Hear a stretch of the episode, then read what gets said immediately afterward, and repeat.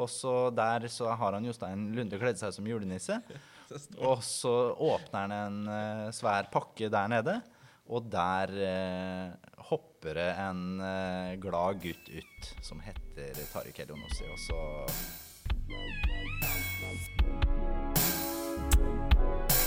Velkommen til Periprek, og velkommen til Fotballprek med Fredrik Bergman Abrahamsen. Velkommen tilbake i studio. Det er en stund siden sist. Det er veldig, veldig lenge, lenge siden. Vi har jo vært uh, i et års karantene omtrent. Men uh, veldig deilig å være tilbake. Og nå er det jo mye gode ting som har skjedd òg, da. Så det er veldig greit. Det har vært en veldig rar fotballsesong. Ja, det har vært en uhyre rar fotballsesong. Det, på Fredrikstad så har det jo vært akkurat som forventa omtrent. Vi har vunnet alt som vi har stilt opp i, og det, det var jo det vi regna med òg. Såpass cocky må vi jo være.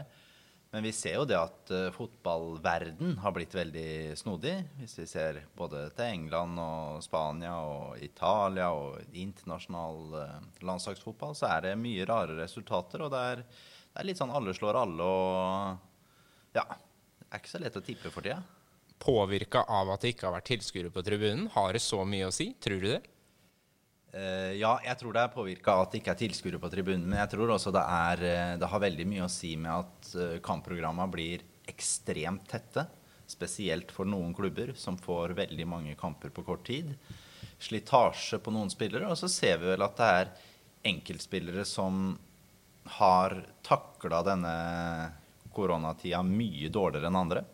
Som, har, som, ikke klarer å finne formen, og som kanskje trenger et lengre treningsgrunnlag etter skade, f.eks. Mm. Men nå kan vi ta fram den her, og så kan vi gjøre sånn. Det er deilig. Og så kan vi ta en ordentlig FFK-skål. Skål. Skål. Skål, skål. Oh, det er nydelig. Ikke dumt. Ikke dumt, for FFK de har røkka opp, og de har røkka opp for lenge siden. Og det var aldri noe tvil, egentlig. Nei, det var jo ikke det. Det var jo Vi satt jo her Jeg husker ikke sist vi satt her, men det var vel etter kamp nummer tre eller sånn, kanskje. Og da så vi jo litt av hvor det bar hen. Nå har det jo blitt mer overlegent enn det vi kanskje trodde. Vi må vel si det sånn, men for vi var jo veldig spente. altså Alt lå til rette for at det her skulle bli den store sesongen, hvor vi endelig røkka opp igjen. Men så begynte det jo Det begynte jo bra, men det var ikke overbevisende. Alt lå til rette for at det skulle bli det, men det er klart det er jo en klubb som var gjennom uh, noen år før der, som har vært småturbulente. Og det var ikke noe, det var ikke noe sånn sikkert kort at Bjørn Johansen skulle få fortsette som hovedtrener. Og det, du hadde jo den gnisningen mellom uh, Bjørn og Casey i fjor. Uh, der tror jeg det har skjedd veldig mye med at uh, Joakim Klæbo har kommet inn med en ro og trygghet i seg sjøl, og ikke en person som trenger å bevise så mye da, som Casey kanskje følte han hadde behov for. For det snakka vi jo mye om før sesongen liksom virkelig hadde kommet i gang. Det her med å få ro rundt klubben, og hvor mye de har gjort for å kalle det rydde opp internt. da. Den jobben der tror jeg har foregått i mange år. Det er uh, den jobben som, som Joakim Heier og Jostein Lunde har gjort. Jeg, jeg tror ikke Fredrikstad-folk skjønner hvor stor den jobben, den jobben er, altså. Og ikke minst også Per-Mathias Høgmo. Han skal ha sin del av æren. Han har gjort en fantastisk jobb på ombyggedømming og, og, det å vise klubben på en positiv måte både ut mot media, ut mot resten av Fotball-Norge, og også ut mot sponsormarkedet.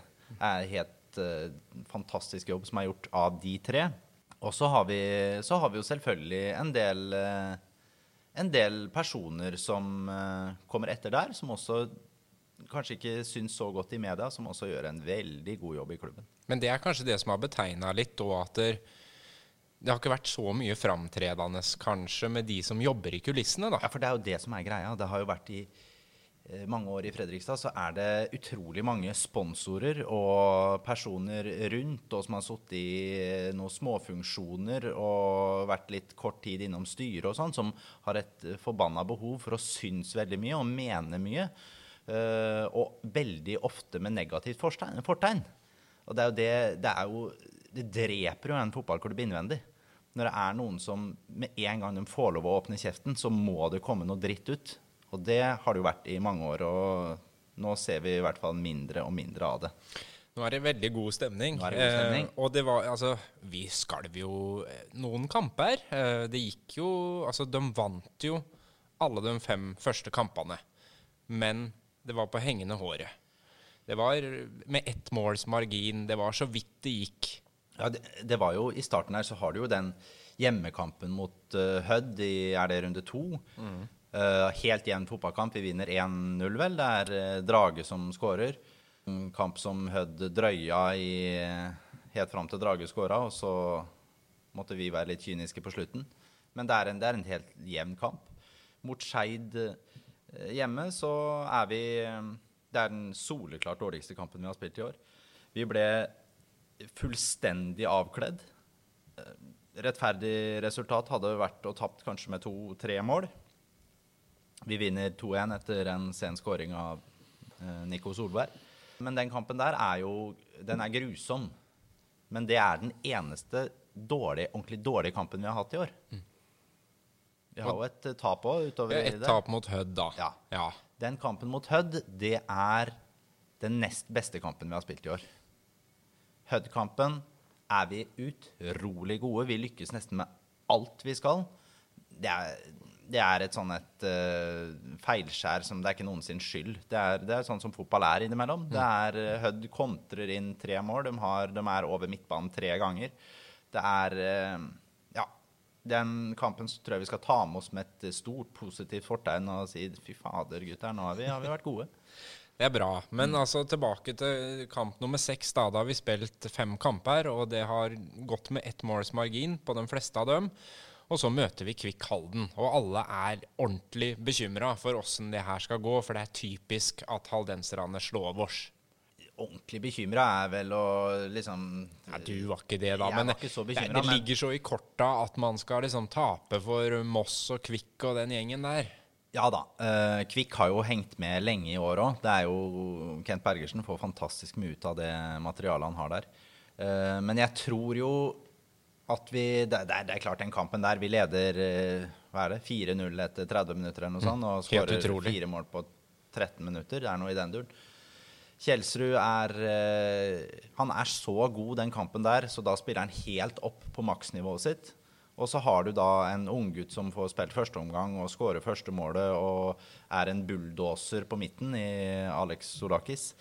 Uh, selvfølgelig, han kunne ikke spille noe mer enn én en omgang, for da, da hadde han blitt utvist. Han hadde kommet og spilt to minutter annen omgang, så hadde det vært rødt kort. Så det, det var helt riktig å få ut han. Men, men det er et sånn et uh, tilfeldighetens spill da, at det er han som kommer inn der og får skåra det første målet. og eh, Der har du litt av den der lokale krafta som kanskje vi har sett mot Fredrikstad når vi har møtt Kvikk Halden.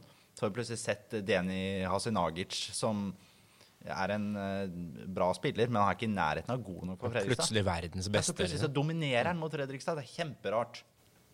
Han er en annendivisjonsspiller. Eh, ikke noe mer enn det. Kommer heller ikke til å bli noe mer. Men mot Fredrikstad har han hatt noen nydelige kamper innimellom. Også selvfølgelig Westgård. Han, men Westgård kunne spilt i Tippeligaen. Han kunne også spilt i femtedivisjon og vært akkurat like god, samme hvor han hadde vært. Så det, ja. Det er bra.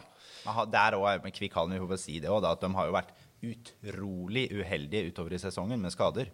Spesielt da på Vestgård og øh, han øh, bekken deres på andre sida, han øh, Albert, har jo også vært ute hele sesongen.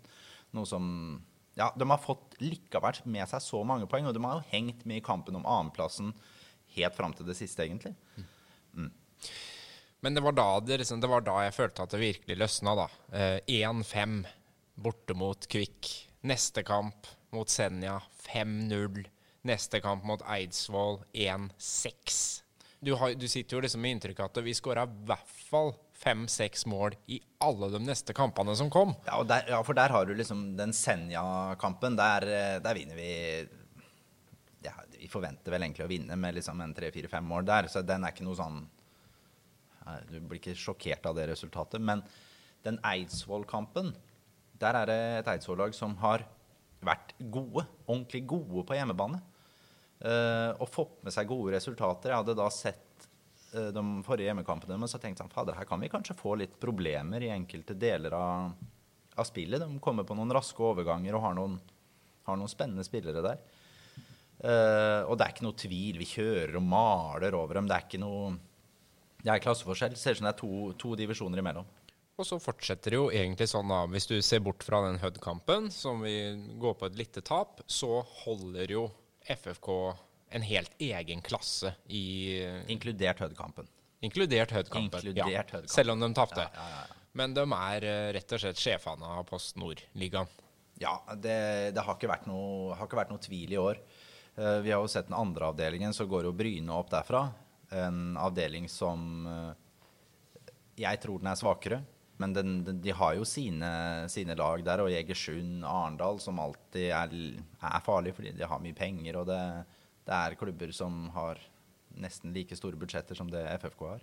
Eh, morsomt at Bryne går opp derfra. Nå har de leder de vel med syv-åtte poeng eller sånn før de to siste rundene, så de er jo allerede oppe. Jan Halvor Halvorsen har klart å slå tilbake som fotballtrener. Det hadde vi vel ikke trodd, noen av oss som bor i Fredrikstad i hvert fall. Men han er jo en trivelig mann, så han har vel fått tak i noe i det laget der, han òg, da. Men det er, eh, det er sånn at den sesongen som Fredrikstad har hatt nå i Post Nord vi kan gå tilbake til 2002 og vi kan gå tilbake til Eggen og de sesongene der myteomspunne sesonger. Vi hadde vært lenger borte fra toppfotballen. Vi hadde vært lenger i andredivisjon da og var kanskje enda mer sultefòra enn det vi har vært nå. Selv om vi har vært ganske på beinet nå au. Men den sesongen vi har gjort nå, er er det lov å si at den er bedre enn i 2002? Eller det er, nå er det mange som kommer til å bli irritert av den grunn. Og vi har publikumsfavoritter da, selvfølgelig, når vi går opp i Bjørnar Johansen og Roger Risholt, Markus Ringberg, Biffen, Tore Pedersen. ikke sant? Vi har mange kanskje enda større profiler enn det vi har i, i dag. Men så er det jo sånn at vi husker jo fortiden bedre enn der vi er nå i nåtiden. Det blir veldig spennende å se om noen år. Det blir spennende å se, Og om vi fortsetter klatringen. Er det et lag som hadde stoppa på hvert i Obos da nei, tilbake i 2002-2003? Hadde det blitt i Obos da i flere år, så hadde vi jo ikke, det hadde ikke vært like myteomspunnet, det laget der da. Og det får vi jo se åssen dette 2020-laget da kommer til om det Går vi rett opp, eller må vi ha ett år i Obos før vi går opp til Tippeligaen, eller Eliteserien som det heter? Eller går vi rett ned igjen? Mm. Ja, hva tror du? Hva jeg tror? Ja? Hva tror du er? Jeg tror at uh, de er i ferd med å bygge noe veldig bra nå, men at vi ikke må ha for høye forhåpninger heller. Men at de biter seg fast i Obos, det er jeg helt sikker på. Ja. La meg ta deg med inn i Obos-ligaen. For nå er det sånn at den, uh, den ligaen der er Ja, det er et uh, knepp opp fra Post Nord, kanskje to-tre òg. Men se hvem lag som er oppi der og kjemper nå. Stjørdals-Blink. Mm. Åsane. Grorud er Ja, nå ligger de riktignok på kvalik nå, da, men Åsane og Blink er helt oppi der. Du blir ikke redd av det, du? Du blir ikke redd av det i det hele tatt. Sandnes Ulf. Ikke sant? Det er et kjempe et lag som svinger som fy. Mm. Og så har du selvfølgelig Sogndal, Ranheim, Lillestrøm og Tromsø, som kanskje har vært i en liten klasse for seg, de fire lagene der. To av de skal opp. Jeg tror at den Obos-ligaen vi får se til neste år, blir hakket dårligere. Nå ser det vel ut til at det er Tromsø og Lillestrøm som går opp. Uh, og så, hvis vi skal se på eliteserietabellen nå, så er det jo da Mjøndalen og Ålesund som ligger an til å rykke direkte ned. Ålesund helt fullstendig hjelpeløse. Skadeskutter, rett og slett? Ja, skadeskutt. Jeg vet ikke. De er skutt, i hvert fall. Og det, jeg tror ikke det er eh, Det laget der går ikke rett opp igjen. Det er jeg nesten helt sikker på at de ikke gjør. Det er, for det har noe med mental omstilling. Eh, så det, Ålesund tror jeg skal være fornøyd hvis hun klarer å få en kvalikplass. Mjøndalen er alltid sånn et vanskelig lag å møte. Hvis Mjøndalen klarer seg, og det heller er Start som detter ned, da tror jeg Start kommer til å slite kraftig. At de skal nå gå tilbake enda et år. Satsing, de har kjørt inn penger i klubben, pumpa inn, og så skal de gå ned igjen. De tror jeg det kan slite. Og hvis si det er Start og Ålesund som detter ned, og da er det Ranheim og Sogndal som er de beste sånn fra før, skal vi si at det er mulig å være med og kjempe oppi der, da? Ja. Kanskje ikke direkte opprykk, men eh, vi, jeg tenker vi må ha målsetning om kvalik. Det må vi ha hvis et lag som Åsane kan ligge der. Hvorfor skal ikke Fredrikstad ligge der? HamKam hadde to poeng etter halvspilt sesong. Nå er de to poeng fra kvalik.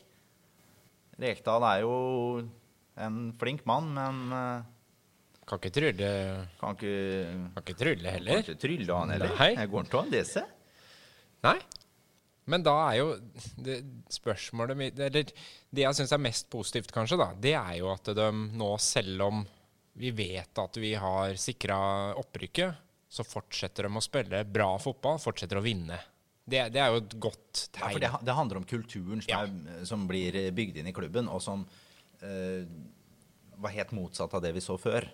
Da det var eh, folk eh, masa om at samme fader hvor dårlig vi presterte, så var det Vi har hatt en god treningsuke bak oss. Vi husker vel Andrea Loberto sitt år. Vi hadde så gode, mange gode treningsuker at ja. Ja, så hadde vi jo det symptomet med at vi kunne vinne 5-0 på bortebane, og så kom vi på hjemmebane og tapte så det sang. Ja. Det var sånn annenhver kampopplegg. Ja, ikke akkurat uh, Loberto-sesongen. Da, da, da hadde vi ikke det, men vi hadde, ja, men det er helt riktig. Vi hadde noen sesonger der som det var veldig uforutsigbart. Mm. Og, det, og det er jo helt motsatt av hva vi har vært. Og gjerne Vi- også innafor samme kampen så hadde vi en, kanskje en førsteomgang som var helt suveren, og så total kollaps i andre omgang. Veldig ofte, da. Rundt 60 minutter så kunne du egentlig bare gå hjem. Ja, og hva bruker det å være tegn på at når man får kollaps etter 60 minutter? Det må jo være noe med treninga, det, da. Ja, det handler vel om det. Jeg tror det handler om at eh, da vi sa vi var så godt trent, så var det tull og tøys. Vi var ikke så forbanna godt trent. Vi var kanskje litt dårligere trent enn de andre, og ikke litt bedre, som man prøvde å kommunisere. Eh, Men det handler nok også om hvordan man jobbet mentalt med gruppa. Jeg tror det var et lite sosialt samhold i mange av de Fredrikstad-stallene, der vi henta inn tolv spillere foran hver sesong. Og plasserte dem i forskjellige leiligheter rundt i byen, og så skulle de møtes på trening. Og vi hadde stort sett ikke noe sosialt eh, tiltak rundt guttene. Eh, Nå er det bygd opp en stall hvor kontinuitet har stått i, i sentrum. Det er altså så undervurdert i fotball at, eh, at ikke flere forstår det. Det er, en, det er meg en gåte. Men så må jeg jo spørre, da. Altså, siden det har gått så ille bra denne sesongen her, har man fått hjelp av holdt på å si koronakrisa, og at det ikke har vært masse folk og masse press fra tribunen og alt det som er rundt? Svaret er nei. Svaret er nei. Nei. Hvorfor det? Jeg tror ikke vi har fått noe hjelp av korona. Jeg tror dette laget her er eh, Det er så mentalt sterkt uansett at jeg tror ikke vi ville fått noen forskjeller. De eneste forskjellen vi kunne fått, er at vi kanskje hadde pressa inn et par mål til i slutten av noen matcher. Jeg, jeg tror ikke dette laget er noen som hadde blitt spesielt nervøse om å slutte å si sånn Håvard Aasheim har blomstra fordi det ikke har vært publikum på tribunen. Håvard Aasheim har blomstra pga. at han har gjort en forbanna god jobb med treningsinnsatsen sin. Og han har gjort et omstillingsgrep mentalt, der han har blitt mer aggressiv både i spillet sitt og i huet sitt på banen. Og det bringer vi oss over på spillerne. For nå skal vi gå gjennom litt uh, spillerne. Spiller for spiller, rett og slett. Uh, for det har jo vært uh, mye bra denne sesongen her. Veldig mye bra. Absolutt. Men vi skal jo videre òg. Du, kan bare- du kan bare få preke i vei. Ja, skal jeg bare preke i vei? Ja, det er jo sånn at du skal ha Vi må jo bestemme oss for hva vi bygger. Bygger vi et lag som skal være i eh, Obos-ligaen i ett år, to år, tre år, hva, hva ser vi for oss? Er vi heldige hvis vi går opp uh, til Eliteserien om to år? Hva er egentlig målsettinga? Hvor vil vi være? Og det, det er jo det vi må finne ut. Hvor lange kontrakter disse spillerne skal få. Altså, vi vet, vi vet jo at Fredrikstad-folk ikke har tålmodighet til i hvert fall mer enn to år. Eh, så jeg tenker at man kan klare seg én sesong i Obos, men så skal vi opp. Det, det kommer til å være mentaliteten for Fredrikstad som by og fotballby. Ja, det, men der håper jeg at liksom, man, forstår det at det, det, tar, tar tid. Er, eh, det er ikke sånn at du bare kan løpe igjennom. Det laget vi har nå, det er eh, for meg et lag som er sånn midt på tre, litt over midten av, av Obos-ligaen, sånn rent på papiret. Eh, Det er ikke sånn at dette her er noe Vi har en dårligere stall enn Lillestrøm. Vi må bare Så, så vi er klar over det. Eh, men det er veldig mye positivt i den stallen. Og det er en del spillere som jeg tror har eh, muligheten til å kunne omstille seg ganske greit til et nytt nivå. Kan gå gjennom spiller for spiller hvis du har, hvis du har lyst til det. Ja, jeg, jeg tenker jo at vi må gjøre det, for vi skal jo på en måte bygge laget videre. Og vi skal se hvem som kan være med. Eh, hvem som kan utvikle seg til å ta nivået i neste liga. Og ikke minst hvor mange nye må inn. Det er jo også et spørsmål. Ja. Eh, men vi kan begynne med dem som vi har i dag, da. Ja. Bakerst. Bakerst så kan vi jo da begynne med han, eh, han Håvard Jensen. Ja. Det er klart han holder ikke Obos-liganivå. Han er en keeper vi må Nei, selvfølgelig. Spøk til side. Nå begynte jeg å lure her. Håvard Jensen er en keeper som holder eliteserienivå. Ja, så da har vi jo den sikra. Den er, sikra, ja, men Det er den er veldig- Han, det er veldig Håvard- deilig å vite, da. Håvard Jensen fra Fredrikstad sin, for FFK sin del, så burde vi kunne gi han en femårskontrakt og være superfornøyd med det. Og kommer ikke han til å signere på en femårskontrakt, men eh, der tenker jeg der må vi prøve å legge en treårskontrakt kanskje på bordet. Og få med oss han videre. Han kommer til å være blant de eh, ja, to-tre beste keeperne i, i, eh, i Obos-ligaen. Det tror jeg det ikke er noen som helst tvil om. Uh, og så har du, hvis du ser videre da mot Eliteserien, så han hadde kommet til å gått inn og spilt fast i flere av klubbene i, i Eliteserien nå. Det er jo veldig vi, vi snakker om nå at uh, Sasha Mokani han er den beste keeperen i Eliteserien. Er han bedre enn Håvard Jensen? Uh, Ingen er bedre enn Håvard Jensen. Nei, hvis du, men hvis du vil, kunne valgt, da Hvem, hvem, hvem, er, hvem av eliteseriekeeperne er du ville bytta Håvard Jensen mot? Nei, Godt spørsmål. Nå, nå har ikke jeg nå, Jeg følger jo med på FFK, så jeg har ikke liksom oversikt over hvem som står bak der, jeg. Nei, men du har, du har jo liksom sånn André Hansen. Ja, det er greit. André Hansen, beste keeperen som spiller i Norge. Ja, det er kanskje Han er bedre. Uh, Bodø-Glimt-keeperen Håpløs. Så det er serielederen i Norge. Håvard Jensen hadde gått rett inn på det laget. Det er det null tvil om. Sandefjord, latterlig keeper. Må, hadde gått rett inn. Eh, nå er det Andreas Lie som har stått størstedelen i Haugesund, nei, i Ålesund i år. Ja, det er, det, er, det er bare trist. Det er bare trist. Men topplaga, liksom. Vi Ja, du har Andreas Linde, Andreas ja. Linde bedre. Bedre sånn, sånn som ting er nå. Uh, og så har du Vålerenga. Der har du jo Claesson. Per dags dato så er Håvard Jensen bedre enn Claesson. Men Claesson er 19 år, Håvard Jensen er 24. Nok der. Og så har du da Odd med Sondre Rossbakk, tredjekeeperen på norske landslaget. Brannfakkel. Håvard Jensen må være litt irritert når han sitter og ser at uh, Rossbakk er på landslaget. Da er ikke de omtrent jevngamle, det tror jeg de er. Ja, det- så, han tenker mm, det Så det lukter landslagsspill her? ja, Nei, jeg, vet du hva, det tror jeg ikke det gjør. For det, Håvard er 24, han skal inn i Obos nå, blir 25. Da må han ta noen ekstreme steg om å bli plukka opp av eh, en av de toppklubbene i Norge og plutselig få tillit. Eh, hvis han skulle forlatt Fredrikstad, så er det jo også viktig at han går og er førstekeeper dit han blir valgt. Mm. Men Håvard Jensen, kjempekeeper. Ikke noe tvil. Nå- Bankers, han vil vi ha. ja, ja, ja. Han er, han er på papiret. så mye opp at eh, ja, han er smart gutt. Han har bena på jorda. Ja, da begynner vi på forsvarsrekka, Ja, men vi har en keeper til, da. Ja, vi har jo en keeper til. Det er greit. Ja. Ja, skal vi ta han nå? Vi tar han nå. Karstensen fikk jo debuten sin nå forrige, forrige match mot Alta. Står en god kamp der. Eh, slipper inn ett mål på straffe. Han eh, hadde ikke mulighet til å ta den, og er solid i alt han gjør. Eh, er andrekeeper i Fredrikstad. Eh, Obos-ligaen, det er et hakk opp. Han har kontrakt ett år til. Jeg håper at eh, Alexander Karstensen klarer å ta nivået hvis Håvard skulle bli skada. Litt usikker på det. Ja. Så på sikt så vil vi kanskje ha behov for en uh, enda sterkere andrekeeper. Kanskje allerede nå. Kanskje allerede nå. Som vi på, men annenkeeper er den det er vanskeligste rollen i en fotballklubb. det. En klubb som, som Fredrikstad, som har et soleklart førstevalg. Vi kan ikke hente inn Nå ville det vært naturlig at vi liksom kanskje så på uh, Aleksandr eh, Stankovic i Brattvåg, som har gjort en kjempesesong der. Men det er klart at skal vi hente inn en som da skal tjene like mye som Håvard, og som på en måte er Han er hakket under Håvard, men han er allikevel en veldig god keeper.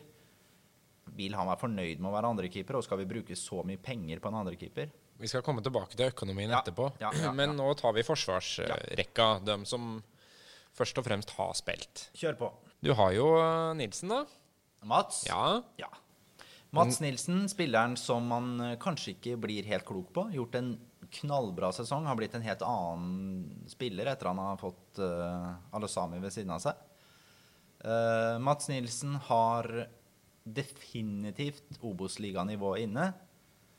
Uh, han må ha med huet hele veien, så han må luke bort noe av den der nonsjalante holdningen sin til ting. For han er jo bunnsolid i stort sett eh, 90 minutter.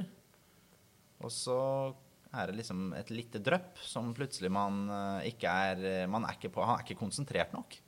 Og det, det er noe som trenerteamet må jobbe med han med. Det har vært bedre etter at han ikke var kaptein mer. Det var eh, et godt valg at de tok fra han det bindet. Mindre å konsentrere seg om. Men han må fortsatt Nå skal vi opp et hakk. Han må mer konsentrasjon i flere situasjoner. Samtidig tenker jeg er veldig viktig å ha der, da. For hvis jeg skulle spilt utpå der av en eller annen merkelig grunn, da, så er det den siste mannen jeg har lyst til å møte. Ja. Han er så svær og tøff, liksom. Ja, han er så svær og tøff. Og, det, og jeg tror jo Mats Nilsen har potensial til å bli en enda større og markant spiller. Og da har jo han muligheten til å spille eliteseriefotball. Men sånn som ting er nå, så er han ikke bedre enn et Obos-nivå. Og så håper jeg han fortsetter å utvikle seg, og fortsetter å utvikle seg mentalt konsentrasjonsmessig. Som fotballspiller mer enn god nok. Han er god nok i fysikken, duellspillet, eh, taklingsspillet. Han er relativt god til å lese spillet òg. Og har en meget god langpasningsfot. Og så er det Stian Strei Molde. Stian Stremolde, ja. Gjort en god sesong uten å markere seg ekstremt den sesongen her. Ha, er et sikkert kort. Mener Stian Strei Molde er for dårlig til å spille høyreback. Han er for dårlig til å spille venstreback. Og han er for dårlig til å spille midtstopper i Obos-ligaen.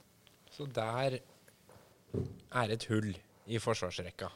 Eh, Det er, et, det er definitivt et hull. Eller skal vi fylle med noen av de andre på lista her? Uh, nei.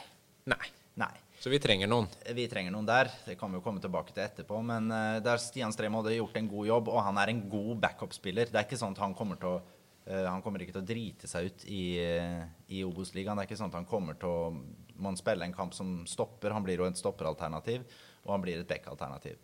Og det kommer til å gå bra, det. Men som, en, eh, som et førstevalg tror jeg at Stian Stree Molde ikke har potensial til å utvikle seg nok til å bli en topp Obos-spiller.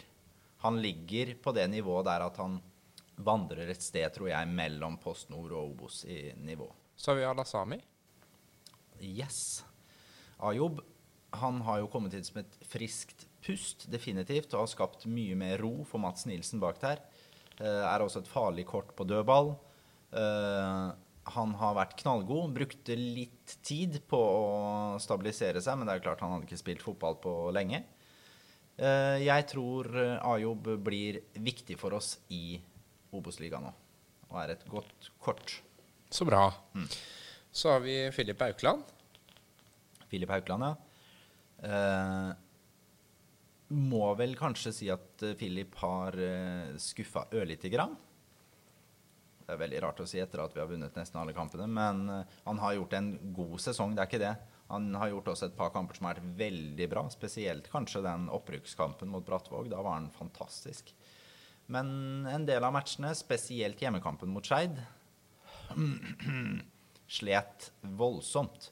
Jeg er usikker på om det kan gå litt for kjapt for han i Obos-ligaen som et rent førstevalg, men det blir litt det samme som Stian Strei, at han kommer til å være en god backup-spiller. og det er klart Han er 21 år og har mulighet til å utvikle seg masse. Han har jo masse potensial. Han har jo god fysikk og er god med ballen i beina og er, bør være en trussel på dødball offensivt og bør kunne ta for seg mer også på defensive dødballer enn det han gjør i dag. Det var Aukland, og så er det jo Ludvig Begby, da. Ja. Ludvig Begby skada stort sett hele sesongen, har kommet inn og fått en, eh, sånn, en selvfølgelig en sånn boost med at eh, FFK-publikum elsker jo um, Ludde. Eh, med god grunn. Han elsker også FFK, så det er et gjensidig kjærlighetsforhold. Han, han har Obos-nivået inne. Det er det ingen tvil om. Der er utfordringen å holde gutten skadefri, så har vi en knallgod venstreback der. Mm. Punktum. Bakai til slutt. Bakai vært en uh, lur spiller å få inn som en uh, både backup og har spilt en god del kamper òg på venstrebekken der. Uh, han er jo Lillestrøm sin eiendom, så han skal jo tilbake dit. Han ble tatt ut på U21-landslaget nå. Kanskje et litt rart valg av landslagssjefen der, men, men det er klart han, han er en spiller med masse potensial. og hvis han klarer å bli kanskje enda tøffere i huet, så er han en spiller som kan komme ganske langt i karrieren sin, tror jeg. Men han uh, tror jeg ikke kommer til å gjøre det i Fredrikstad. Nei, Så det er ikke sånn at du tenker at oi, det er ille. Han skulle vi sikra oss. Nei. Da er det midtbanen, det er rett og slett. Ja, ja jeg vi syns jo kanskje Ja, vi, vi, skal, si vi kan nevne. Oskar. Ja, jeg tenker det. Ja.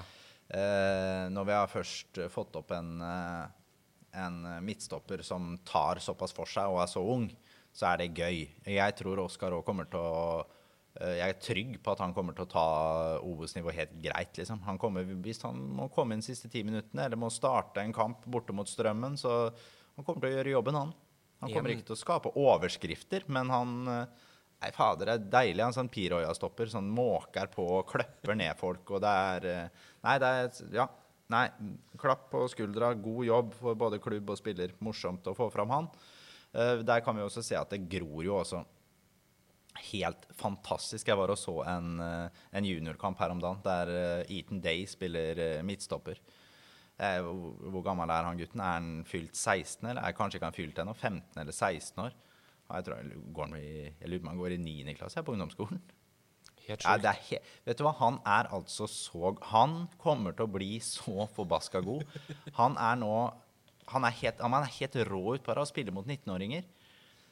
Han regner jeg med kommer til å trene en del med A-laget til neste år, og jeg tipper også han får debuten sin i en kamp vi leder eh, 4-5-0 borte, f.eks. mot Sogndal. Det hadde vært deilig, da. Det har vært deilig. Moro, da. Det hadde vært moro. Da går vi eh, på midtbanen. Skal vi starte på starte på sånn som lista står her ja, nå. Ja, gjør det. Gjør det. Cassander Getz. Yes, Cassander Getz fikk debuten sin fra start nå i den kampen mot Alta. Uh, han har fått noen innhopp, fikk også et mål da han kom inn mot Brattvåg. Uh, Cassander Getz er uh, vel Han er vel ikke fylt 20 ennå, så han er 19 år. Han eh, kommer til å være en backup-spiller til neste år, har fått eh, kontrakt. Eh, tror ikke han kan forvente seg mye spilletid, men er en backup-spiller i den troppen. Så er det AAA Solakis. Ja. Eh, Halvgrekeren. Han eh, er vel kanskje ja, Farlig å si største positive overraskelsen, men det, det kan jo ikke være langt unna, i hvert fall. Eh, han har fått en mye større seriøsitet inn i treningsarbeidet sitt og tilnærmingen sin til fotball. Uh, vi har jo sett sånne enkeltsituasjoner av han helt siden han var 15 år, at han er, det er noe der, men, men han har falt ut av kamper og har vel ikke hatt godt nok treningsgrunnlag og sånn. Det har han hatt i år. Blomstra. Men han er 20 år, så det er ikke noe sånn der at vi har ikke satt inn en 16-åring som har vært helt rå her. Så han er 20 år, altså, så vi må ha med oss det. Eh, men han kommer til å kunne gjøre en eh, OK jobb i Obos òg. Kommer ikke til å bli noe førstevalg i elveren. Det gjør han ikke. Eh, men han er en god stallspiller for Fredrikstad, sånn som ting er nå. Og så har vi Håvard Aasheim, da. Håvard Aasheim, skal vi si at han har vært FFKs beste spiller i år? Du må gjerne det. Jeg, da tror jeg kanskje jeg skal velge å si at han har vært det. Han er jo kanskje ikke den som har vært eh, nådd de største høydene. Det er, det er han jo ikke. Men han, han har jo vært det som heter veldig god i alle kampene. Han har Jevn. han har vært forbanna jevn, og jevn på et høyt nivå. Gjør sjelden feil. Og det som vi har, vi har jo sett det hele tiden, at sånn framdriften og rent teknisk og pasningsfot og sånn, det har jo Håvard hatt uh, siden han var 16. Uh, nå har han jo vært uheldig og blitt flytta litt rundt på banen og har spilt i wing, og det er tullete, og ned på bekken og sånn. Så, han har prøvd det meste? Liksom. Ja, prøvd, ja, blitt flytta rundt, litt rundt på. Uh, og så tror jeg at han Jeg vet ikke hvor bevisst det har vært fra han, men han har jo blitt mye tøffere. Jeg elsker når jeg ser Håvard Aasheim bli takla, så hiver han seg opp og liksom helt bort i trynet på dommeren. Det, det er så godt å se. Ja, du, du, ville jo ha mer av det. Eh, da vi snakka sammen akkurat når sesongen hadde starta, så sa du her ligger det så mye potensial, ja, men han må bli litt mer eh, forbanna. Ja, det handler om aggressiviteten inn i spillet, og det har han fått i år. Og det var det vi snakka om, og det var det vi håpa han skulle få. Det har han fått, og da ser du hvilken fantastisk god fotballspiller det er. Håvard Aasheim er en spiller som kan være med Fredrikstad helt opp til Eliteserien. Han er ikke sånn at han kommer til å stoppe i Obos-ligaen. Hvis han er, gjør en god sesong nå, mot alle odds, så går FFK opp til Eliteserien. Håvard Aasheim kommer til å ta nivået som Ja. Seriegull 2023. Han kommer til å være god der òg. Håvard Aasheim er god overalt. Det er veldig bra. Og så har vi Thomas Drage, da. Sjueren vår. Ja. Thomas Drage er den spilleren som vi må sammenligne kanskje mest med Håvard Aasheim som vår beste spiller. Stødig. Stødig og har kanskje høyest toppnivå i stallen. Eh, fantastisk pasningsfot, fantastisk fotballhue. Eh, han er jo en, eh, han er jo en liksom sånn ballkunstner til tider og ser åpninger der ikke alle andre gjør det. Og vi har jo sett litt av det vi så Eh, fra Tromsø-tida, når han var 20 år, har vi sett litt av i år. Selv om han nå er flytta inn som en indreløper istedenfor å ligge ut på vinga, så har jo da den vinga som kan eller indreløperen som kan trekke ut mot vinga og trekke inn igjen. Er, han har løst den oppgaven helt glimrende. Jeg hadde avskrevet Thomas Drage for et par år siden, altså. Men det han har nå fått til i FFK denne sesongen her, det står til 9,9 i stil. Veldig, veldig bra. Det er jo hyggelig. Og så har vi sistemann på midtbanen, som du jo var veldig glad for å få inn, og som du mente ville bli den virkelig viktige brikka som mangla, og det er Jakob Lindstrøm. Jakob Lindstrøm. Eh, og han har innfridd. Jeg tror nok ikke folk liksom forstår helt hvilken jobb Jakob Lindstrøm gjør på banen. For det er jo sånn at du Man ser jo på de som har eh, Eh, mye målpoeng, eh, de som gjør de eh, lekreste tinga. Men de, den spilleren som styrer spillet, styrer tempoet i spillet til FFK, det er Jakob Lindstrøm. Mm. Jakob Lindstrøm er en spiller som Fredrikstad ikke burde hatt mulighet til å få tak i før sesongen. Det er helt vanvittig at han går ett nivå ned og går til Norge. Han kommer til å være enda bedre i Obos-ligaen da han får enda bedre tid han er eh, en spiller som nivåmessig ligger midt mellom Eliteserien og Obos-ligaen og kommer til å bli blant de beste midtbanespillerne i Obos-ligaen. Det er mye å glede oss til. Absolutt. Den midtbanetrioen til FFK der er en midtbanetrio som jeg tror vi kunne tatt med oss til Tippeligaen og ville gjort en helt, uh, helt OK jobb. Ville ikke vært uh, ledende, det er ikke det jeg sier, men ville gjort en helt, helt OK jobb. Det er ikke der vi trenger å og han er kanskje litt sånn symbolet på det som gjør at FFK har vært Eh, hatt suksess. da. Eh, vi var inne på det med klubbledelse. En Joakim Heier, en Jostein Lunde som er i kulissene i stedet for på forsida av Fredrikstad Blad. Eh, og så har du playmakeren som legger til rette for spillet. Jakob Lindstrøm som bare går stille og rolig i gangen og svarer pent på spørsmålene han får. Men nå er jo jeg på noen treninger òg. Jeg, jeg, hører jo at gutten kan si ifra, så han, han gjør det òg. Men det er, en, det er, jo en, høflig, ordentlig gutt, dette her, som ting er som det skal. Og de, her har de henta hel ved, da, i forhold til sånn som det kanskje har vært før. Og ikke et stygt ord om noen av dem, men det er jo vi har jo henta noen løse kanoner før, som skal være dem som skal redde oss. Jeg tenker da på Team Nilsen, Rocky Kai. ikke sant? Disse som, som er, det er jo sånn publikumsspillere, men ja Du får mye annet òg. Og fotballen var kanskje mer sånn før òg. Jeg har liksom inntrykk av at det nå vi de mer streite spillerne blir uh, større stjerner, kanskje, enn de som uh, gjorde veldig mye ut av seg. Jeg tror i hvert fall seriøsitet er uhyre viktig. Det, å, det å være på og ikke plutselig falle bort en uke på trening fordi du er, eh, du er sur fordi du ble, ikke fikk starte forrige kamp. Så sutrer du. du Fotballspillere som sutrer, det, det er få ting som er så irriterende som det. Da går vi på angrepsrekka, rett og slett. Der er det Love Reutersverd som er eh, førstemann ut. Ja.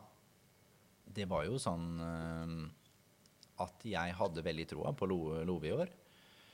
Han ble jo dessverre skada, som han har blitt så mange ganger før, i starten der, og har vel aldri kommet helt inn i det. Eh, Love har jo et enormt toppnivå, men dessverre så får vi se det toppnivået sjelden. Eh, på topp så er han en wing som kan spille i Eliteserien. Men som regel så er han en Post Nord-ving. Eh, så ærlig må vi bare være. Han har utrolige ferdigheter. Han er eh, god med ball, har et rapt skudd, tungt skudd. Eh, selvfølgelig utrolig hurtig. God én mot én. Relasjonelt håpløs. Det er noen situasjoner som du må, må rive av deg alt hår du har når du, når du ser han kommer oppover på banen og tar noen, han tar noen dårlige valg, altså. Ganske ofte. Uh, og det tror jeg ergrer også Bjørn Johansen og Joakim Klæbo ganske kraftig. Og er nok en god grunn til at han ikke har spilt mer. Jeg håper, F- Han har jo kontrakt jeg tror det. Jeg håper FFK beholder han, for han er jo en sånn publikumsspiller. Og han er også en spiller som kan komme inn og forandre Det kampbildet litt. skjer jo alltid det, noe. det skjer en- mye rundt han. Når kaster innpå Love Reuters Kaster innpå det, Og der tror jeg du har det, da. Det er sånn han må brukes. Hvis han er fornøyd med det, å være en sånn superinnbytter som kan komme inn og, og Tenk på det hvis vi leder en kamp 1-0. Se at vi spiller, eh, vi spiller nå borte mot eh, Åsane, da, f.eks. Så leder vi, vi leder 1-0. Henrik har skåra i annen omgang. Det er ti minutter igjen av kampen. Er det noen bedre spillere å sette inn på da enn Love være Han er rask som han. Du må da legge forsvarsrekka di så mye lavere når du har en så rask spiller du møter. Men hvis han skal spille fra start, så gjør ikke han sine defensive oppgaver godt nok. Uh, og da kommer vi ofte i undertall på hans side. Så hvis han er fornøyd med å være en uh, superinnbytter, veldig gjerne beholde Love. Hvis han ønsker å være en eh, i elveren fast, Startspiller. så tror jeg ikke FFK kan love han det. Da er det Nieves. Michael Nieves, Ja, ja. det syns jeg har vært et fyrverkeri. så. Ja, men Har liksom kommet inn og forandra fullstendig. Ja, for det syns jo alle. Stakkar, han har jo fått spille liksom veldig lite fra start. Og så skal jeg helle litt sånn kaldt vann i eh, årene. Og det, det er jo selvfølgelig at han har Når du får komme inn 60 minutter etter at FFK har kjørt motstanderen så kraftig, så er det klart at da får du ganske mye rom når du kommer inn. Så han har jo vært eh, blest med den måten å få være med i kampbildet på slutten på. Da blir det jo selvfølgelig mye sjanser og, og um, situasjoner du kan komme til. Eh, og når det er sagt, så har han gjort en fantastisk innsats. Det har vært nydelig. Jeg kan ikke, jeg kan ikke se at han har sutra noen ting med det å ha sittet på benk, og selv om du har mm, produsert målpoeng, så har du allikevel vært med. Eh, Michael Nieves har blitt bedre og bedre utover i sesongen. Har kontrakt ett år til. Jeg tror ikke han kan regne med å bli noe førstevalg til neste år heller. Men han kommer til å kunne være en god, god spiller i den gruppa og kommer til å få en god del spilletid. Tror jeg. Så er det Anas Farah, da. Anas Farah Vi får aldri se maks ut av Anas Farah. Ja, men er det pga. skader, eller er Nei, det kan, kan ikke skylde på skader på Anas nå. Anas har eh, vært eh, lite skada i år. Har spilt absolutt det meste. Er den spilleren som ut fra prestasjonen sin har fått mest spilletid. eh, Han hadde vel ikke fortjent så mye. Der uh, Michael burde fått spille mer. Uh, men det er klart, han er uh, Han er jo liksom gullkalven litt rann, i FFK. Eh, Vi ønsker jo veldig gjerne at han skal lykkes. Han er 20 år. Han, vi venter og venter og venter på at han skal bryte gjennom. Men Jeg trodde at han skulle få flere målpoeng i år. Men det, er, det blir veldig lite sluttprodukt. Han er god med ballen. Han er ganske god til å lese spillet òg, men det blir lite sluttprodukt. Det blir gjerne en to touch for mye inn i feltet, og så renner det ut en corner, f.eks. men er han i feil liga, hvis du skjønner? Altså, er, har Post Nord vært liksom for tøff? Uh, at han blir tatt mye? Altså, det er jo en Møter vi Øygarden uh, borte til neste år, så blir den fysisk tøff. Ja, Sogndal borte på Fosshaugane. Det blir Ja fysisk tøft.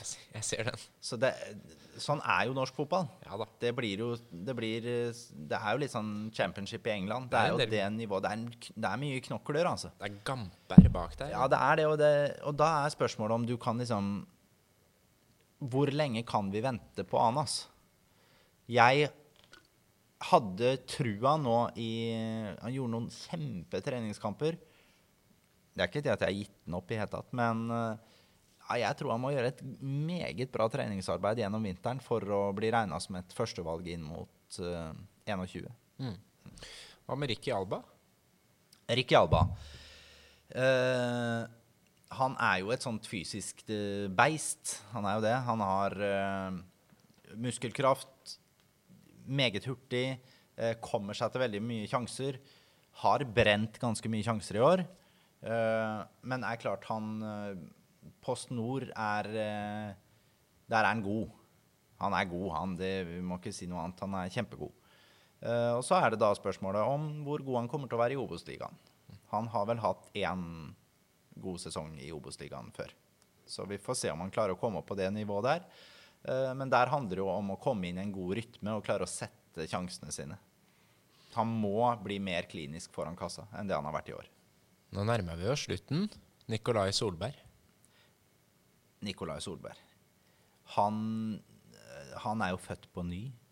Det er jo en eh, Det er jo vært eh, Det har vært julaften og nyttårsaften og Jesusbarn i krybben som har gjenoppstått. Men du spådde jo at dette kunne bli en suksess. Ja, men det er jo Nico Solberg på Post Nord-nivå. Selv om han var skal vi si, elendig, som han var i fjor, så er det jo klart at han er jo en spiller som har et enormt potensial. Jeg har fulgt med på Nico siden han spilte i eh, 08. Det er ikke så ofte vi skal nevne den klubben. Uff men, ja. Nå som vi hadde det så hyggelig. Ja, som vi hadde det som hyggelig. Men uh, han har produsert stort sett alle andre steder enn i FFK. Men nå har han også produsert og vært knallgod her i byen. For en fantastisk sesong. Han har skåra mål på huet, avgjørende mål. Han har hatt tap-in-skåringer, han har hatt langskudd. Akkurat det vi har lyst til å se. Ja, men Det er akkurat det vi har lyst til å se. Det er en spiller som kan true fra så mange områder på banen. Og den jobben som Nico Solberg har gjort i år, den er ja, det er utrolig bra. Helt fantastisk å sitte igjen med en men så, Det har jo vært en rar sesong, selvfølgelig, med sånne ting har vært. Og det å klare å produsere så jevnt på det nivået der er Bare å ta av seg hatt og lue og frakk og legge stokken ned og paraplyen opp, for det her er fantastisk. Kjempebra. Det er moro. Ja, og han kommer, han vet jo Han har jo vært dritbra for Ullkisa i Obos-ligaen før. Hvis, eh, hvis vi har huet til Nico på riktig sted, og han ikke er for mye oppe med unger som ikke vil sove på natta, så kommer han til å Ja, han tar nivået bra der, og jeg tror vi kan forvente opp Ja, vi kan forvente hva hvert fall målpoeng er tosifra til neste år. Det må vi, det må vi forvente. Det er moro. Og så tar vi en skål, for nå er vi kommet til Henrik Kjelsrud. Det kan vi ta. Skål på det, Henrik. Skål på det. Skål, skål. Skål for deg, Henrik. for det var jo akkurat det vi håpa på. Det var jo det vi håpa på, og jeg hadde jo blitt mye mer overraska hvis ikke det hadde blitt sånn. Hvis han ikke hadde skåra 15 mål, hvis Henrik hadde stått på fem mål den sesongen her, så hadde vi jo Jeg hadde jo ikke forstått en, noen ting av det. Han har vært akkurat så god som vi hadde håpa. Han er fantastisk på hodet. Han er fantastisk til å kunne trekke seg tilbake og bli med i spillet. Han er ikke en sånn en uh, target-spiss. Han er en spiss som blir med i spillet. Han kan trekke seg ned, motta ballen, gjøre lagkameratene gode. Han binder opp to midtstoppere. Det blir rom for vingene.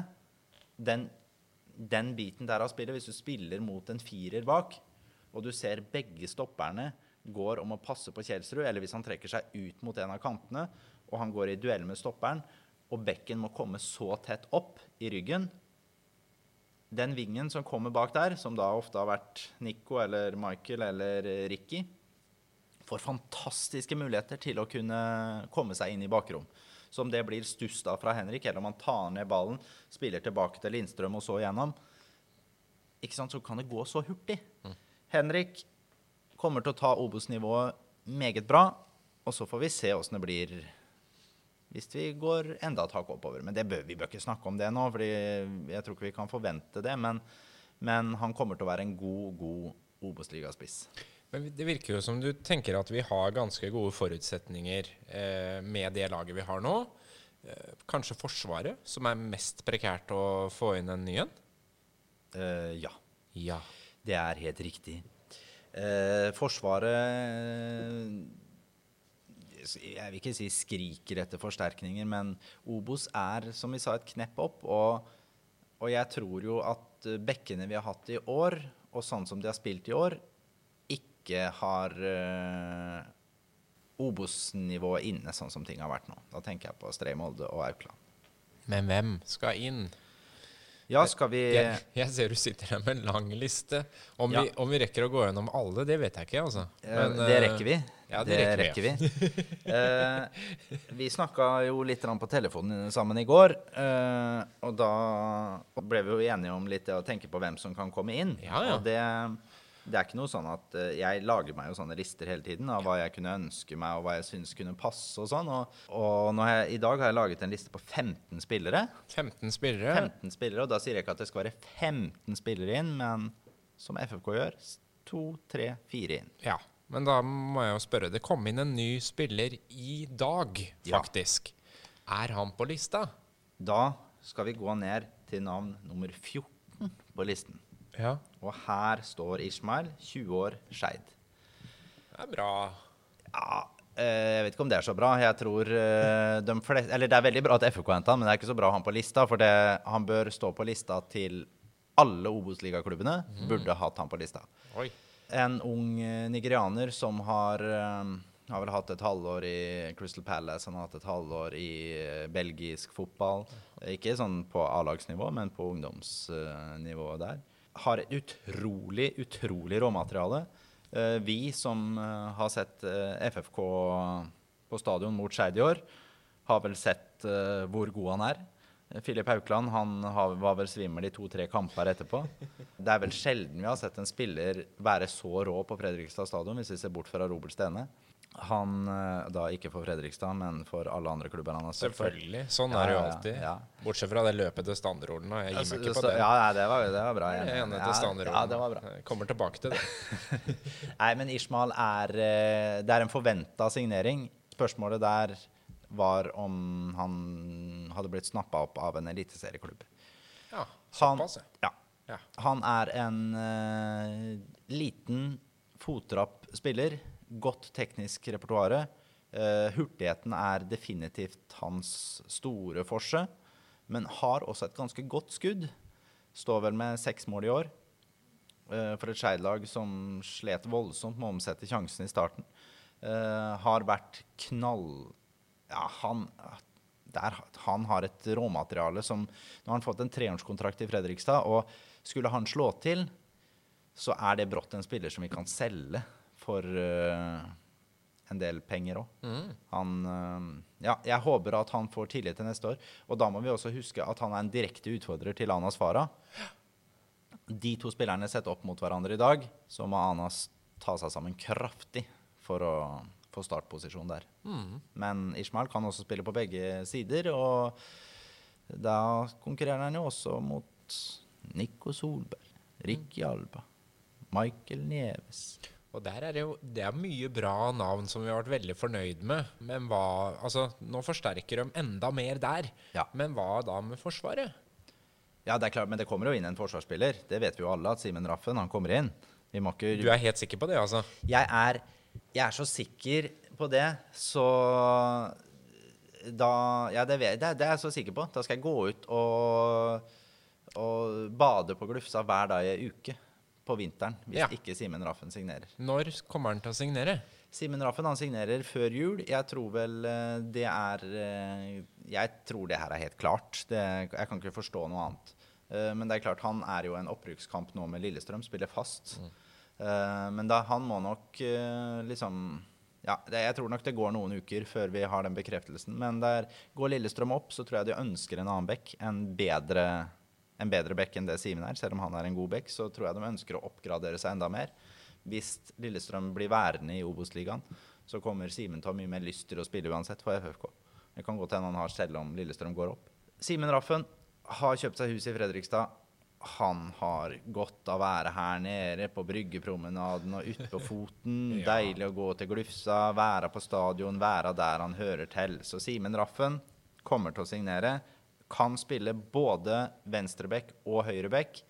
Jeg tror at tanken er at Simen Raffen skal spille høyreback i Fredrikstad, og Ludvig Begby skal spille venstreback. Blir Ludde skada, så skal Simen Raffen over på sida og Filip Haukland inn. Ja, det høres jo ikke dumt ut, det. Og blir det ikke sånn, så blir det jo en badespesialpodkast på vårs, da. Hvor vi skal stå ute på Glufsa hele romjula og høre på deg skrike. Da blir det kaldt og deilig, men såpass eh, trygg er jeg på at jeg regner med jeg sitter godt foran peisen isteden. Jeg håper vi slipper å dra ut der. Ja, jeg håper det sjøl. Håper Raffen kommer. Yes, absolutt. Absolutt. Men lista er lenger enn det. Lista da har vi tatt to navn av 15. Ja, men Ja, det, skal, hold vi fortsette- fast, folkens. skal vi fortsette på Forsvaret, da, eller? Ja, vi må jo det, for det er jo det som trenger Det er det som ifølge deg, da. Ifølge meg så er det det. Og så skal vi si det da, at kommer Simen Raffen inn, så trenger det egentlig ikke noen flere. Av at han kan spille back på begge sider. Og da har du den kabalen som jeg har satt opp for deg. Og du har, du har de to stopperne Alle Sami og Mats Nilsen som kommer til å være førstevalg. Og så har du eh, Oskar Jansson og Stian Stree Molde som backupen bak der. Og det holder mål i Obos-ligaen. Og så får vi se åssen det blir ved en senere anledning. Skulle de ønske å forsterke seg på midtstopperplass, enten om det skulle være noe interesse rundt våre egne spillere, eller, eller om de ønsker noe annet, så har jeg blitt eh, har jeg veldig sansen for eh, Hassan Korokai i Strømmen. Dansk-tyrker på 23 år, stopper. Veldig lik Mats Nilsen i, i spillestilen. Kunne vært et alternativ. Vi vet jo ikke. Plutselig så er det noen som ryker akilles i siste kamp, eller eh, det er noen kneskåler som blir ødelagt. Så vi, man må alltid ha noen alternativer på, på blokka. Og han har gjort en knallsesong i Strømmen i år og er ute av kontrakt. Mulig å hente. Ellers så på stoppeplass så et wildcard i Joakim Jørgensen, som vi husker godt. Sarpingen. Start, 32 år. Hadde aldri kommet til Fredrikstad for å sitte på benken. Så skulle vi hente han, så måtte vi hente han som en førstelagsspiller. Jeg tror at han har lyst til å komme seg hjem til Østfold. Nedover. Det tror jeg. Vi så der nå forrige kamp uh, til start. Det var jo mot Sarpsborg. Da vinner Start 3-2. Eh, Jørgensen kommer vel inn ved pause og forandrer den kampen totalt. Bare med den autoriteten og spilleforståelsen han har. Så det er klart, en sånn spiller inn, det hadde, hadde ikke vært det dummeste, tror jeg, da. Men uh, misforstå meg rett, jeg er veldig fornøyd med de stopperne vi har. Uh, et siste kort er, uh, har jeg tatt med en mann som har vel et halvt år i norsk fotball fra før, som heter Josef Baffo. 28 år, kan spille alt. Kan spille på begge bekkene og begge stoppeplassene. Mhm. Spiller på Halmstad i Superettan. En god, eh, god spiller, eh, men også en dyr spiller. Kunne aldri blitt henta inn som backup, men hadde nok vært mulig å få lurt den hvis han hadde blitt eh, godt betalt og sagt at vi skal rette opp. Mm. Så det, det er de forsvarsspillerne som, som jeg naturlig har eh, tenkt på i første omgang.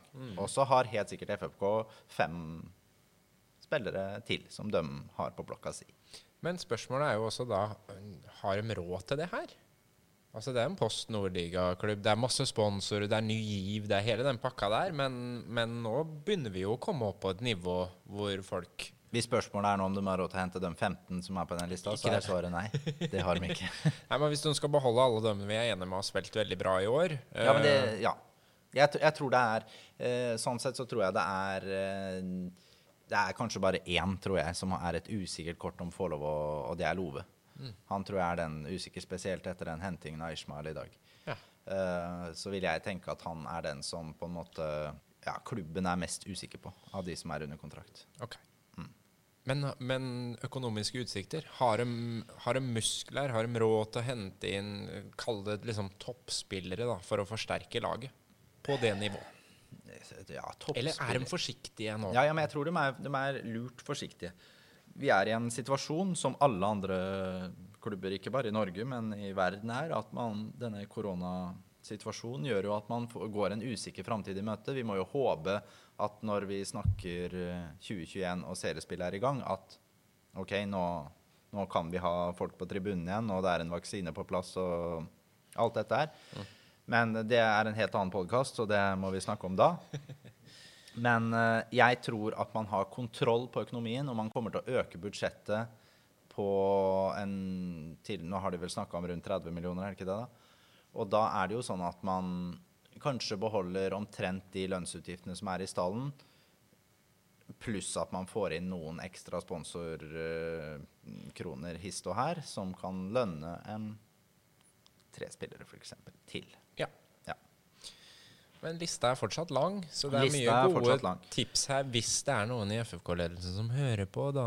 Så ja, kan det, dere jo notere. Det vet, vi, det vet vi jo at de gjør. Så, så det er bare Såpass. å få fram penn og papir. Ja, og, jeg, og når det er sagt, så de spillerne som er på denne lista her Jeg tror ikke det er noen som er sånn Oi, har vi ikke tenkt på Dette er jo ikke noe eh, ganske ikke, åpen Det er mange åpenbare navn. Ikke rocket science? Altså? Nei, jeg syns ikke det. Hvis du følger godt uh, Nå tenker jeg at jeg følger relativt godt med. Det vil jeg si. Så bør det være overkommelig. Ja. Skal vi ta midtbanen, da, eller? Vi tar midtbanen. Det er klart vi er superfornøyd med den midtbanen vi har. Det eneste problemet er at vi har en treer, og så har vi ikke så mye mer bak. Og da tar jeg med Getz og Solakis. Jeg vet at de er der. Uh, men sånn per nå Obos-ligaen er uh, kan bli tøft. Du tenker på hvis det kommer en skade på Lindstrøm f.eks.? Lindstrøm eller Drage, Hva eller begge to da? skada i ti kamper. Mm. Da er ikke Getz og Solakis Da går vi ikke opp, i hvert fall. Hvem skal inn? Hvem skal inn? Uh, jeg har en mann som Olav Øby der. Naturlig å tenke. Han var aktuell i sommer òg. 26 år, kan spille på indreløperposisjon, er ute av kontrakt med KFUM. Spørsmålet er om han er en spiller som har huet på riktig sted rent sånn fotballmessig så er han absolutt god nok, og er også en spiller som kan true med mer eh, skudd fra distanse, f.eks. Ikke vært en dum spiller å ha med, og er jo i god fotballalder. Eh, og så er det til egen avdeling Hassan Yusuf, 24 år, eh, på Skeid. Eh, en spiller som jeg har likt siden han var 18 jeg husker han spilte en fantastisk kamp i Østfoldhallen mot FFK. Da tenkte jeg sånn Å, herre min, nå taper vi mot Skei. Tapte 3-0, tror jeg. Han var fantastisk. Uh, han blir da i tilfelle i samme posisjon som uh, Lindstrøm og blir en direkte utfordrer til han. Uh, ellers så er det, som Joakim Jønsson i gjentatte ganger har både skrevet og uttalt, Sander Kartum på blink. Han har også ett år til på kontrakta. Kan spille både indreløper og sentralt. 25 år blant de tre-fire beste midtbanespillerne i Obos i år. Jeg mener det er helt Jeg har han på lista pga. hvor god han er. Eh, men det, egentlig burde han ikke stått der, for det er ganske urealistisk. For vi kommer ikke til å betale noe overgangssum for noen spillere i år. Men jeg er helt sikker på at FFK også har han på en liste. Mm. Er, det noe, er det klart, er det noen mulighet for å hente Sander Kartum, så gjør man det. Mm. Uh, så han bør stå der. Ja. Alle som eventuelt har vunnet i Lotto fra Fredrikstad i det siste. Ja. Altså Eurojackpot snakker jeg om da. De kan jo ta kontakt, da. Sande Kartum. Det er et uh, godt navn da, altså. Absolutt. Uh, ellers så har jeg tatt med en som egentlig ikke er midtbanespiller, inn i midtbanespillergreia. Og det er Ermal uh, Haidari på Egersund, 27 år, svenske. Jeg mener at han kunne fungert godt i en indreløperposisjon, selv om han har spilt mest spiss og ving så tror jeg han kunne fungert godt. Det er en uforutsigbar spiller. Eh, ganske sånn rått råmateriale. Kan gå av en spiller. Mye aggresjon i måten å spille på. Kunne vært spennende å sett han, eh, han i FFK, tror jeg. Ellers en annen spiller som også Jønsson har eh, nevnt, eh, men også som blir snakket masse om i Sverige. Amir Al-Amari. Han er også indreløper. Er en målsnik. Han har vel 15 målpoeng, tror jeg, for Jönköping Södra i år. Han har åtte mål og syv målgivende, tror jeg. Uh, 23 år. Er uh, en uh, Er det dansk-iraker han er, jeg tror? Det tror jeg han er. Eh, er en spiller som kan skåre fra mange hold. Eh, jeg tror nok eh, han kommer til å bli henta opp til enten Allsvenskan eller Eliteserien. Men hadde vært en nydelig signering å fått inn. Ja. Er også ute av kontrakt, så det er ikke noe overgangssum der. Ellers er det en lite wildcard i Daniel Berntsen, indreløper, 27 år, Tromsø. Har gjort et halvt år i Fredrikstad før. Da er vi vel tilbake i 2012, kanskje, eller noe sånt. Ja. Uh, har jo hatt en sånn brokete karriere. Han ble jo henta fra Bodø til, uh, til Rosenborg. Og har vært i Djurgården litt, var god der i Djurgården. Og er nå i Tromsø, er ut og inn av det Tromsø-laget. Ute av kontrakt eh, nå til eh, i desember, og jeg er usikker på om han får noen ny kontrakt der. Og hadde, er jo litt en sånn Thomas Drage-type. Så kanskje ikke vært det dummeste å titte litt på Daniel Berntsen. Vi vet jo også at vi har et trenerteam som har gode connections i nord. Absolutt. Eh, og så er det en spiller som jeg egentlig ikke har lyst til å ha inn, men han er jo en rå spiller, da, i Kamer Kaka. Har nå kommet tilbake til Norge og har akkurat signert for Kongsvinger, men har bare signert ut året. 25 år, indreløper. Ikke noe å si på fotballspilleren Kamer Kaka. Men der måtte eh, Bummen og Klæbo jobba mye med huet på han for å få den riktig navla. Ja.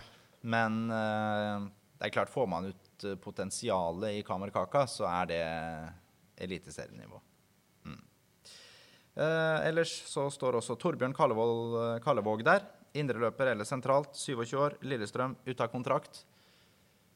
Han var vel egentlig så å si klar for Ålesund på deadline day. Det var vel ett sekund for seint for å få signert han.